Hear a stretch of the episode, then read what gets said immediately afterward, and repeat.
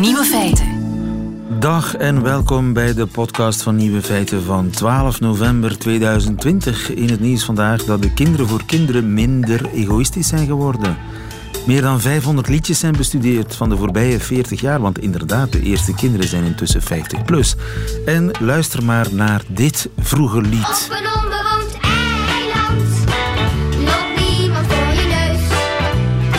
Ja, op een onbewoond eiland zitten waar niemand je in de weg loopt. Egocentrischer kan het niet worden, toch? Ik heb zo wa wa wa waanzinnig gedroomd. Ik was zo mooi, mooi, mooi. Het was echt niet gewoon. Ik heb zo waanzinnig gedroomd. Ik was zo mooi. Ik en mijn looks. De titel Kinderen voor Kinderen was verkeerd gekozen. Het waren eigenlijk kinderen voor zichzelf. Maar dat is volgens de onderzoekers dus verleden tijd. Het bewijs daarvan, de nieuwe single.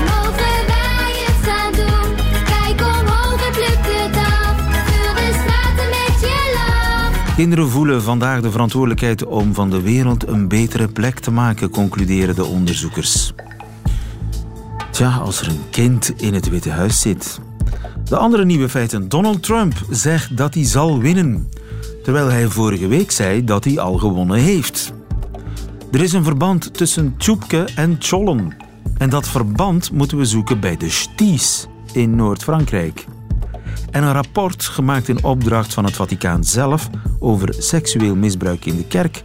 Dat rapport is vernietigend voor paus Johannes Paulus II. De nieuwe feiten van Chris van den Abelen hoort u in zijn middagjournaal. Veel plezier.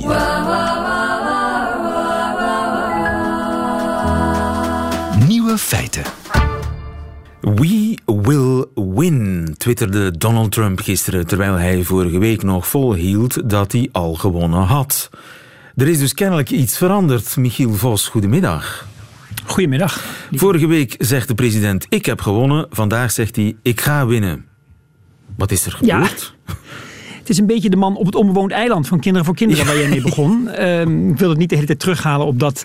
Nee, ja, kijk, het land eh, ziet op dit moment zeg maar twee parallele rails. We hebben de rails of de track eh, Trump en we hebben de track Biden. Biden is zeg maar stilletjes bezig met zijn transitie en Trump zit nog een beetje in Netherland en weigert, lijkt te weigeren te erkennen dat hij verloren heeft met genoeg nummers. Hij heeft niet een blamage gekregen. Ik bedoel, hij heeft verloren met grote getallen in meerdere staten. Hij doet nu sinds ruim een week alsof dat eigenlijk allemaal niet gebeurd is en of hij inderdaad gaat winnen. Er is bijvoorbeeld nu, voorbeeld 1, een recount by hand, dus een hertelling met de hand, eh, afgesproken in de staat Georgia. Daar ligt Biden volgens de laatste uitslag 14.000 stemmen voor. Eh, het zou mij zeer verbazen en met mij alle experts die zich daar in Amerika over buigen, dat de uitslag zal worden gecorrigeerd met meer dan 14.000. Bijvoorbeeld Dat in het is nog nooit gebeurd dat een, een recount eh, een verschil maakt van 14.000 stemmen. Het gaat meestal over een paar honderd stemmen. Klopt. Even ter vergelijking 2000, want dat is eigenlijk het enige echte voorbeeld wat we hebben. 2000 Florida, Bush, Gore, dat ging om 500 stemmen verschil tussen beide mannen. Daar werd over gesteggeld, dat duurde 36 dagen. Maar uiteindelijk kwamen we daaruit met een onafhankelijke rechtbank, een onafhankelijke rechtbank Juist. nummer 2 en uiteindelijk een Supreme Court. En bovendien, Georgia, stel in, in, in het zeer onwaarschijnlijke geval dat Trump het daar toch zou halen na die recount. Ja, dat maakt op zich, Georgia op zich maakt geen verschil voor de uiteindelijke uitslag. Klopt, je hebt helemaal gelijk, hè, want Biden heeft genoeg buffer in andere staten, genoeg kiesmannen verzameld in andere staten, dat hij een verlies, Georgia, hoe onwaarschijnlijk ook, best zou kunnen hebben. Ja. Dat zal hem, hem inderdaad wat minder kiesmannen opleveren. Hij zal niet op 306 uitkomen, maar op minder. Maar zoveel maakt dat niet uit. Hij heeft ruim gewonnen. Ook, en dat doet er in principe niet toe, maar het is wel belangrijk voor de public opinion, ook in de popular vote. Hè. In de gewone telling ligt hij 5 miljoen stemmen voor. 5 miljoen stemmen ligt Biden voor. Toch eh, twittert de president is een vastgemaakte tweet, dus hij vindt het kennelijk belangrijk. We will win. Hij is eigenlijk aan een nieuwe race begonnen. Sommige mensen noemen dat een staatsgreep. Is hij met een staatsgreep bezig? Ja, er is een deel van de Amerikaanse opiniemakers, pers, dat inderdaad in die hoek zit. En die zeggen, niet helemaal onterecht, hij ontslaat zijn minister van Defensie, Mark Esper, vlak na zijn verlies, of in zijn geval winst, in zijn vertaling winst van Donald Trump. Hij praat met allerlei mensen over het wellicht vervangen van het hoofd van de CIA, Gina Haspel. Hij weigert überhaupt Biden te erkennen. Vergeet je niet, eh lieven, dat eh, Barack Obama, toen president in 2016, twee dagen na de verkiezingswinst van Trump 2016, dus twee dagen na 8 november toen, op 10 november had Barack Obama op het Witte Huis, persoon tot persoon, lijfelijk aanwezig, een 90 minuten durend, durend gesprek met toen inkomend president-elect Donald Trump. Donald Trump lijkt niets van dat alles van plan met Biden, maar is de beste man op weg naar een staatsgreep. Daar heb je meer voor nodig dan een vervangde minister van, eh, van Defensie. Dan, dan moet je Hij heeft- eigenlijk de wet overtreden. En alles Ja. wat hij doet, blijft eigenlijk op dit ogenblik binnen de wet. Hij mag rechtszaken aanspannen. Juist. Eh, Dat is zelfs eigenlijk, eigenlijk, want ik vind, waarom zou je je daartegen verzetten? Hoe meer rechtszaken, hoe beter, toch? Dan, dan dat neemt de twijfel weg. Nee, dat klopt. Jij zit een beetje op de lijn van Mitch McConnell, de senaatsleider. Die zei 100% re- heeft eh, Trump het recht om die rechtszaken aan te spannen, hertellingen aan te vragen. Nou, nou moeten we vaststellen dat die meeste rechtszaken tot nu toe tot niks leiden. Er zijn allerlei kleine rechtszaken in Pennsylvania, in Georgia, in Wisconsin. Die leiden allemaal tot niks. Het leidt ook tot veel verwarring. Het blijkt dat die zaken helemaal niet goed gestaafd zijn. Het lijkt er ook op dat de meest prominente advocaten, dit zijn dus de advocaten van Trump, niet, hè, dat zijn niet de echte experts op election law. Dat zijn niet de echte grote heavy hitters die het ooit tot het Supreme Court zullen kunnen brengen. Dit zijn tweede rangs advocaten die zich hier tot nu toe mee bemoeien. En daarbij heeft hij, om nog maar even heel duidelijk hè, zeg maar, eh, op, de, op, de, op de Russische lijn te zitten, hij heeft niet het leger achter zich. Hij heeft niet de pers achter zich. Hij heeft het parlement niet achter zich. Zeker niet het Huis van Afgevaardigden dat alles kan Maar onderzoeken. hij is toch in eiltempo zijn mannetjes en vrouwtjes alsnog op sleutelposities aan het benoemen. Eh, minder trouwe volgelingen in eiltempo aan het, gaat hij ontslaan en vervangen. Ja, dat is binnen de wet, maar eigenlijk, ja, netjes is het niet, hè? Nee, er, zijn, er, zijn- er is zeg maar zeggen, een stroming in de Amerikaanse pers die zegt: he's being a sore loser. Hij, heeft, hij kan gewoon niet opgeven. Maar of dit nou leidt tot een staatsgreep of een coup of Zuid-Amerikaanse toestanden à la Paraguay of Uruguay, nee. Maar je hebt wel gelijk. Hij doet er alles aan om Biden niet alleen de overwinning te ontkennen, maar ook zeg maar de nieuws, eh, het, het nieuws wat daarmee samenhangt te ontkennen. Hè. Trump domineert op deze manier toch nog steeds een beetje Ja. het nieuws in Amerika. En dat is jammer, want Biden is wel degelijk bezig met die transitie. En waar gaat dit eigenlijk over? Gaat dit dan over de emoties van Donald Trump? Is dat allemaal nodig om de president er emotioneel op voor te bereiden dat hij uiteindelijk plaats zal moeten maken voor Biden? Hij is een vechter. Het is het, hij is het aan zijn karakter verplicht om alle middelen uit te putten.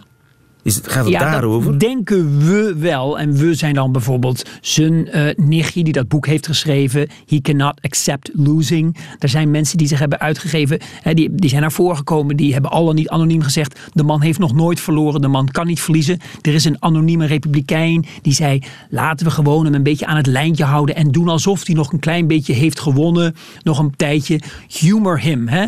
Humor him een, een klein beetje. Laat hem nou maar even. Ja. het is eigenlijk allemaal heel flauw. Want we hebben het wel over de president van de Verenigde Juist, Staten. En ja. uiteindelijk moet hij er gewoon aan geloven op het middaguur op 20 januari aanstaande. Ja, je zegt anonieme republikeinen, maar er zijn toch heel veel republikeinse parlementsleden die nu gewoon heel stil zijn. Waarom Juist, eigenlijk? dat valt wel op. Ja, dat valt wel op. Dat het kader, het hoge kader, met een enkele uitzondering, een Mitt Romney, een enkele uitzondering, een Susan Collins, altijd dezelfde ook. Maar de rest van die hele grote meerderheid aan Republikeinen houdt zich heel stil. Men weet gewoon niet wat ze aan moet in die partij met Donald Trump. Wat gaat er na 20 januari gebeuren? Blijft hij een invloedrijke republikein die een soort van onrustige base achter zich kan houden na die periode? Wordt hij een soort kingmaker? Wordt hij een man die straks onder een palmboom in Mar-a-Lago met aan de ene kant Melania en aan de andere kant een Manhattan in, in het glas, de cocktail, zit waar dan een lange reeks stoet republikeinen langskomt om de rung te kussen van Ja. eh, Trump op weg naar een zegen van de beste man. Hè? Dat zou als, kunnen. En als je je dan in die omstandigheden als republikein kandidaat stelt, kan hij met zijn, wat is het, 33 miljoen volgers op Twitter je maken of kraken. 88 miljoen. Het zijn er 88 enorm veel. miljoen, Ja, nee, het zijn er echt enorm veel. En inderdaad, hij heeft wat dat betreft indirect natuurlijk heel veel macht. Ook als niet-president, ook als niet-elected official.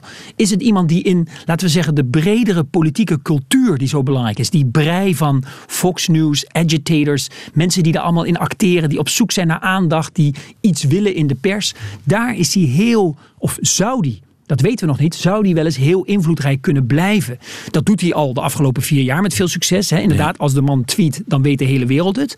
En dat zou hij natuurlijk kunnen blijven doen. Hij zou ook gewoon kunnen verdwijnen in Mar-a-Lago. Of waar dan ook. Dat hij zich niet meer wil bezighouden met politiek. Dat het hem toch verveelt en dat hij gewoon terug gaat naar zaken doen. Eh, Zou dit ook een onderdeel kunnen zijn van een volgende verkiezingscampagne al? Die hele kwestie, die mars op Washington die gaat gebeuren. Want er komen ja, niet alleen die herverkiezingen in Georgia, begin, begin volgend jaar, waar heel cruciale verkiezingen, waar zal bepaald worden of de Senaat al dan niet in handen van de Republikeinen blijft.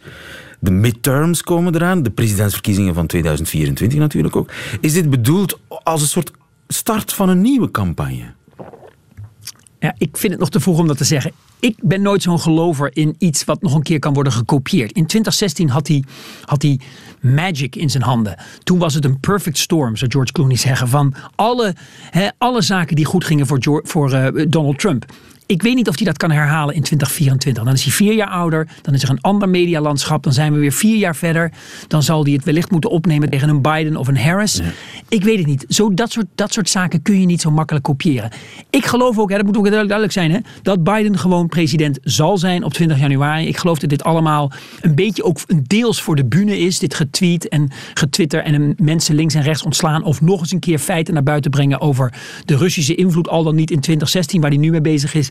Dat zijn allemaal onopgeloste, onaffe eindjes die hij nog even wil afknopen voordat hij het Witte Huis moet verlaten. Ik denk dat het systeem tot nu toe, in de afgelopen vier jaar en ook in de afgelopen acht dagen, sterk genoeg is geweest om deze man te weerstaan. Het systeem versus Donald Trump. Zien hoe Juist. dat afloopt. Dankjewel, Michiel Vos. Goedemiddag. Geen dank. Nieuwe feiten. Het is u misschien nog niet opgevallen, maar woorden die beginnen met een kne, die hebben vaak iets ronds en iets diks. Bijvoorbeeld een knot of een knoop.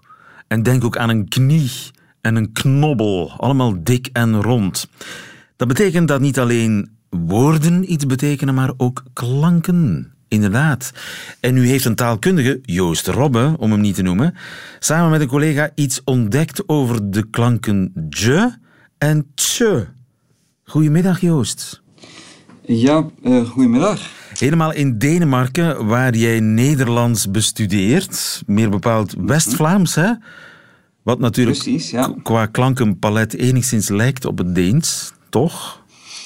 Ja, veel klinken. Veel, hè? Ik doe een poging. Ik kan Ja. één ding zeggen in het Deens. Ruik, kruid met flauw.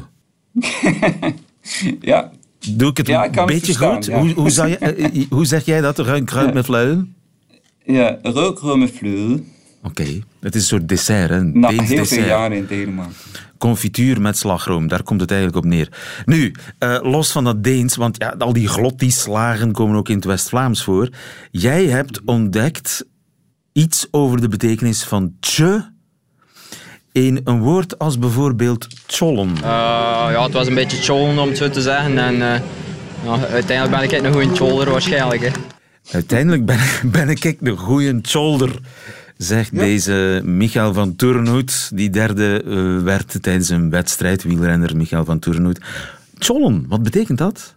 Ja, ik zou zeggen een zwaar leven leiden. Echt zwoegen, een zwaar leven leiden. Ook soms een ellendig leven leiden. En Dus eh, die tje, daar zit die ellende in. daar zit die ellende in, heel zeker, ja. Die tje, wat betekent dat? Dat betekent dat het woord een gevoelswaarde krijgt. In de zin van dat het woord zelf, het basiswoord, ehm, wordt begrepen als iets onbenulligs, onbehulpzaams en soms ook iets vulgairs. Dus onbenullig, vulgair, onbehulpzaam. Precies, dat is ja. tje. En, Ja. en zijn er zo nog woorden met tje die dat Ja, hebben, bijvoorbeeld? Ja, dus één, één woord dat enorm succesrijk was. Een volkomen, volslagen succes. Een, een exportproduct ook van West-Vlaanderen. Dat is het woord eh tjoepke. Ah, Of tjoepelke. Dus we hebben, we hebben daar een soort... eh, we hebben daar ten eerste een basiswoord. Dat is top. Ah, En dat is dan verkleind tot een topke. Dat is heel normaal. Maar dat topke, dat wordt dan nog eens verkleind tot een tjoepke. En dat kan ook worden verkleind tot een toppelke. En dat toppelke kan weer worden verkleind tot een tjoepelke. een tjoepelke. Dus dat is het, het alte, dus eigenlijk het ultimatieve verkleiningsproduct is drie keer verkleind. En dus moet er ook een basiswoord zijn voor tjollen. Ja, En wat is dan het Dus, basiswoord eh, van tjollen? Normaal wordt dolen als basiswoord genomen. Maar ik heb daar een bezwaar tegen, omdat dolen met een D begint. En daarom eigenlijk jolen zou moeten worden. Jolen. Maar het is cholen. En ik denk dat het eh, van een ander woord ehm, eh, dus afkomstig is, van eh solen. En solen betekent eigenlijk zwaar vuil werk verrichten. Dus je eigenlijk vuil maken. Maar dat woord bestaat niet meer. Solen. Dus eh solen, ja. Eh, dus, dus een soort sollen, maar dan met één L. Solen. Het heeft er ook mee te maken, ja, Ah. precies. Ja. mhm. En vandaar dat iemand die zwaar eh vuil werk verricht, dan natuurlijk ook een shoulder is. Hè? En, en, eh, dus die betekenissen van onbenulligheid, onbehulpzaamheid, vulgariteit, die, die, zijn, die zijn overal present in die woorden. Bijvoorbeeld als je zegt een, een, een chul, een chul, hè, Een chul. dat is dan een sul. Ah. Maar daar is de is vervangen, helemaal klankwettig. Daar, eh, we hebben ook een, een, een tjeute. Hè? Een, Een tjeute, inderdaad. Dat, ja. ja, dat is dus een versterking, een, een heel sterke seute is dat. En eh, dus de hilarische proef die we hebben, dat is dat we overal bij die woorden ehm onnozel kunnen bijzetten. Dus als we zeggen dat onnozel, en we kunnen het nog eens verkleinen ook, hè, dan zeggen we dat onnozel, hè, tjeuteke of tjulleke, de, een onnozelen. Hè. Ja, ja, ja. ja. eh, shoulder, hè, dus, of een armen shoulder dan in dit geval. Ik ben zelf geen West-Vlaming, maar een Oost-Vlaming. Wij zeggen ook tjollen, overigens. Eh, Ja. Maar wij kennen ook het woord djoef. Een djoef rond uw oren. Als een soort van klets. Ja, Zou dat daar ook iets Ja. mee te maken hebben? Of dat heeft er niets mee te maken? maar ik denk dat dat eerder een, een soort van eh onomatopee is. Ja, een soort klank, na- klanknabootsing. Ja, en, precies. En, en ja. die dje en die tje, waar komt dat vandaan? Hebben we enig idee wie daarmee begonnen is? Dat is ontzettend interessant. Want we zien dus in het West-Vlaams dat er een gradient is. Dus de verspreiding van die woorden is niet gelijk. Dus in het zuiden zijn er meer van die woorden, zoals eh tjone en, en, en tjeute en, en tjoepke en zo meer. Tjoepke is nu eh, algemeen, maar, maar eh, meer van die woorden in het zuiden. In Kortrijk bijvoorbeeld kent men meer woorden dan in Roeselare, woorden met tje en je. En dan in Roeselare kent men meer woorden dan in Brugge, Oké, bijvoorbeeld. dus het En komt uit het er- zuiden aangewaaid. het komt heel zeker uit het zuiden, er is geen twijfel over. En dan zijn we natuurlijk bij onze these. En wij denken dat het uit het Picardisch komt. Uit het Picardisch. Dus, ehm, Ja, uit het Frans dus dat zijn- eigenlijk. ja Of wel. een soort ja. Frans dialect. Politiek correct is dat een, een, eh, ja, een regionale taal. En die wordt dus gesproken in de streek van Rijssel en Doornik. Dat, dat En zijn zijn lesti. Lesti, voilà, zo is dat. En daar zijn er dus ontzettend veel tje en in die taal, waar het Frans dat niet heeft. En niet alleen het Frans, maar ook het andere Picardisch. Dus als we naar het zuiden gaan, dus eh, als we dus helemaal het noorden van Nord-Pas-de-Calais eh, verlaten en meer naar Arras en zo meer naar het zuiden gaan, dan eh, zijn er veel minder tje en je woorden. Oké. Dus die rand was heel significant eh, volgepropt met tje en je woorden. Dat zien we dus in het noorden van Frankrijk, maar dan zien we ook hetzelfde in het zuiden van West-Vlaanderen. Waardoor we kunnen zeggen dat er een soort van taalcontactsituatie is geweest aan de grondslag, hè, waarbij we dan een ontlening hebben van een opvallend uitspraakfenomeen in het Picardisch om klankexpressieve woorden in het West-Vlaams te vormen. Oké, dus we, het tjoepken en tjollen komt eigenlijk van bij de sties.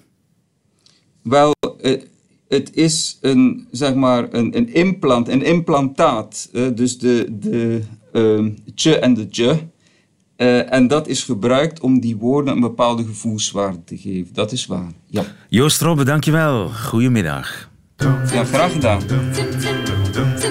Radio 1. Dum diddle diddle dum dum dum diddle diddle dum dum dum diddle diddle dum diddle diddle dum diddle diddle dum. Nieuwe feiten.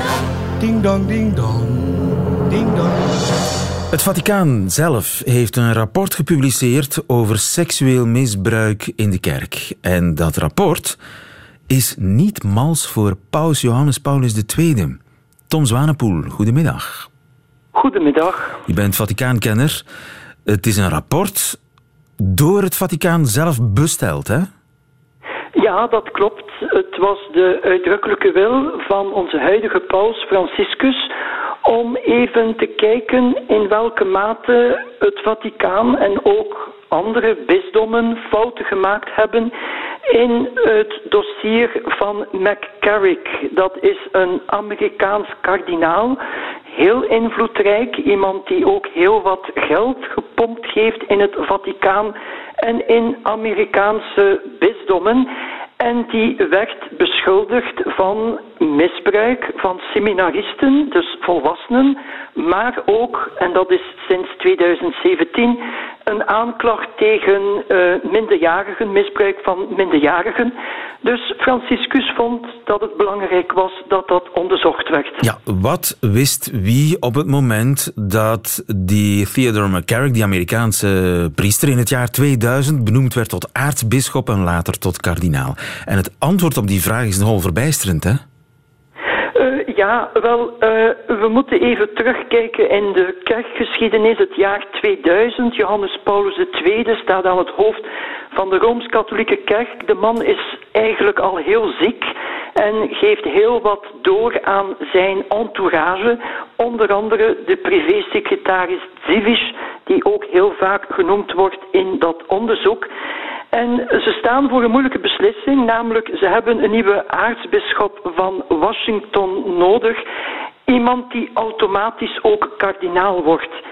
We hebben eh, brieven, er zijn brieven beschikbaar in het Vaticaan en uit die brieven blijkt dat de kandidaat bisschop, kandidaat kardinaal, toch wel op seksueel vlak een groot probleem heeft.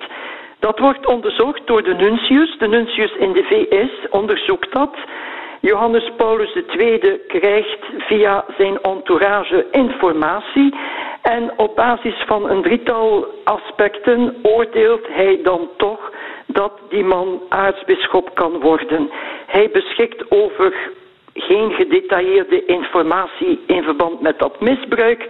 Ten tweede, de persoon zelf zegt ik ben onschuldig. En ten derde, zelf heeft hij, Johannes Paulus II, zelf ondervonden wat het betekent om beschuldigd te worden en dan ontkennen. Meer bepaald in het communisme was dat een methode om de kerk in discrediet te brengen. Op basis van die drie redenen heeft hij dan geoordeeld, die man kan zonder problemen aartsbisschop worden. En dat wordt nu heel pijnlijk in dat dossier, want het bleek dat McCarrick wel degelijk gelogen heeft, dat hij wel degelijk pas in 2017 officieel wordt aangeklaagd wegens misbruik, niet alleen van seminaristen, maar ook van een minderjarige, een familievriend was dat. En dat is natuurlijk een hele andere zaak. Ja. Dus een negatief beeld over Johannes Paulus II. Ja, die eh, minstens op de hoogte had moeten zijn. Die minstens zijn kop in het zand heeft gestoken. Dat is het minste Wel, wat je kunt zeggen. eh, volgens het dossier, volgens het onderzoek, moeten we toch wel stellen, en dat is heel opmerkelijk, dat het Vaticaan dus ook duidelijk schrijft dat Johannes Paulus II fouten heeft gemaakt, dat hij weliswaar op basis van informatie heeft geoordeeld, maar dat hij misschien ook wel een, een kind van zijn tijd, zoals men dat in die periode heette, dat hij onvoldoende heeft, eh, ja, een onderzoek aangevraagd heeft. Nu, natuurlijk, het hoofdprobleem in het jaar 2000 was, er was op dit moment geen officiële aanklacht. Het ging over anonieme brieven. Het ging over beschuldigingen die mondeling of schriftelijk werden geformuleerd en doorgegeven aan het Vaticaan. Ook de nuntius in Amerika heeft het nodige gedaan. Maar op basis van die onvolledige informatie ja, heeft men dan toch gedacht Ja. dat dat allemaal een beetje overdreven was. Je zegt hij was een kind van zijn tijd. Dat betekent dat paste eigenlijk in een cultuur. Een cultuur eigenlijk van wegkijken. Een cultuur van het ja, dat- instituut boven het belang plaatsen van het individuele slachtoffer. Wel, eh, je kan het zo stellen. Natuurlijk, in dit geval mogen we ook niet vergeten dat Johannes Paulus II die persoon heel goed kende. Die En- McCarrick. En, eh, inderdaad. En wat natuurlijk heel pijnlijk is, en wat jammer genoeg tot op vandaag ook zo is, er is heel wat geld in het spel. Dus die McCarrick eh, slaagde erin om heel wat fondsen eh, met de honderdduizenden dollars aan giften door te storten naar de VS, naar het Vaticaan. Hij liet ook een Amerikaanse stichting oprichten die miljoenen inzamelde voor het Vaticaan. En dat zijn natuurlijk aspecten. Trouwens, het zijn ook aspecten die nu in de zaak van de privésecretaris van Johannes Paulus II worden genoemd, namelijk geld wil zeggen, ja, misschien wat loyaler zijn, wat zwijgen. En dat stoot Franciscus enorm tegen de borst. Dus wat misschien in de tijd van Johannes Paulus II de gewoonte was, daar wil hij nu echt kom af mee maken. Hij is degene die op het moment van de officiële aanklacht in 2017 onmiddellijk gezegd heeft dat moet hier volledig onderzocht worden. Het Amerikaans gerecht heeft zijn werk gedaan. Dan heeft hij gezegd, jij bent geen kardinaal meer. En daarna heeft hij zelfs de ergste straf uitgesproken terug naar de lekenstand. Dus Franciscus heeft eigenlijk dat gedaan wat hij in de topconferentie van 2019 heeft aangekondigd. De kerk mag zoiets nooit meer tolereren. Transparantie. Laat, maar het is er wel gekomen. Ja.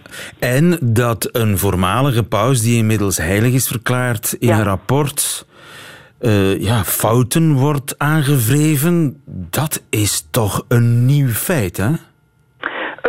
Inderdaad een nieuw feit. En ja, als we eerlijk zijn, zijn er nu al die wat vragen hebben bij het feit. Ja, het is een heilige paus, een heilig verklaarde paus.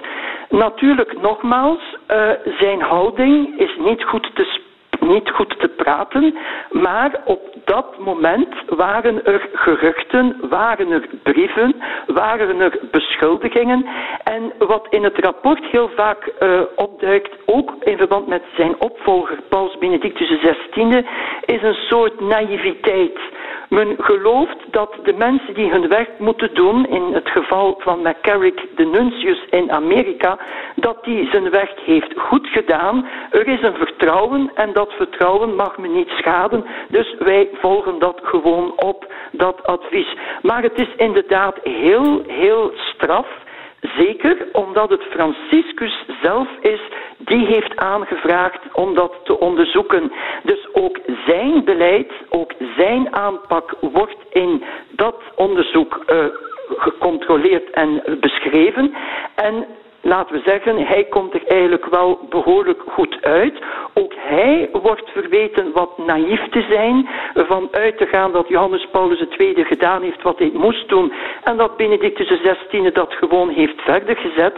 Maar het is een beerput. Eh, alles wat met kindermisbruik door geestelijken eh, te maken heeft, een echte beerput. En ik eh, denk dat er zeker nog koppen zullen rollen. Nu gaat alle aandacht naar die Zivish, naar die privésecretaris van Johannes Paulus II. Maandag was er een Poolse documentaire met de titel Don Stanislao.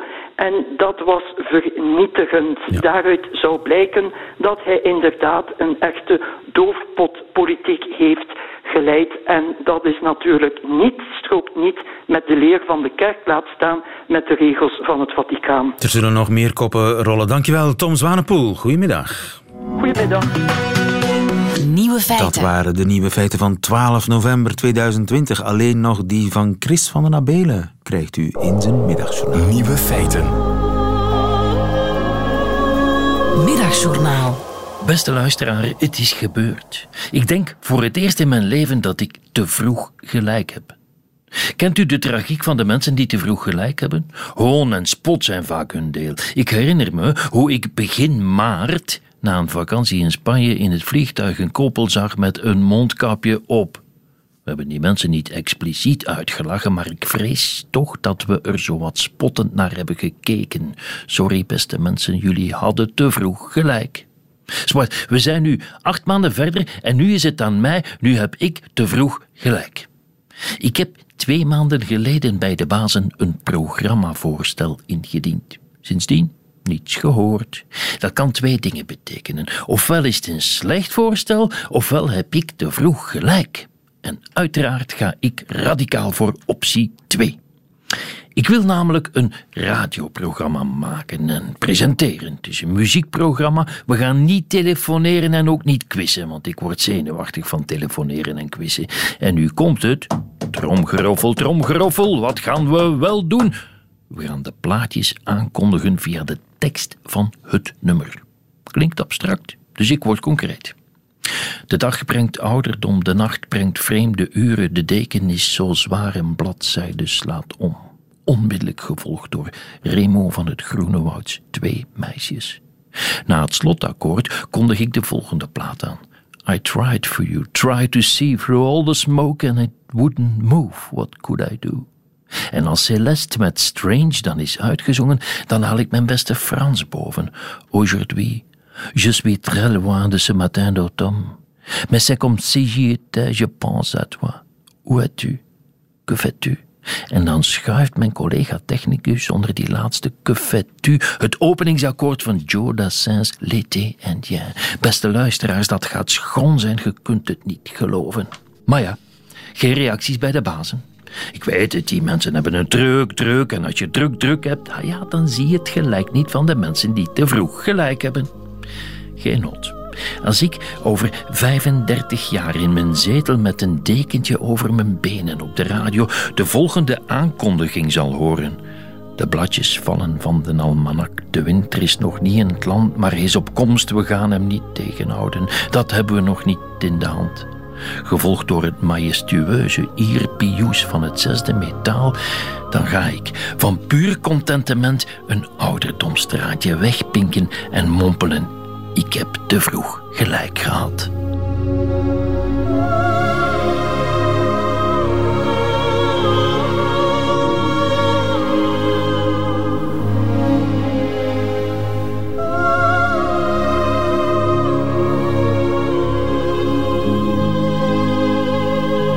Blijven proberen, Chris.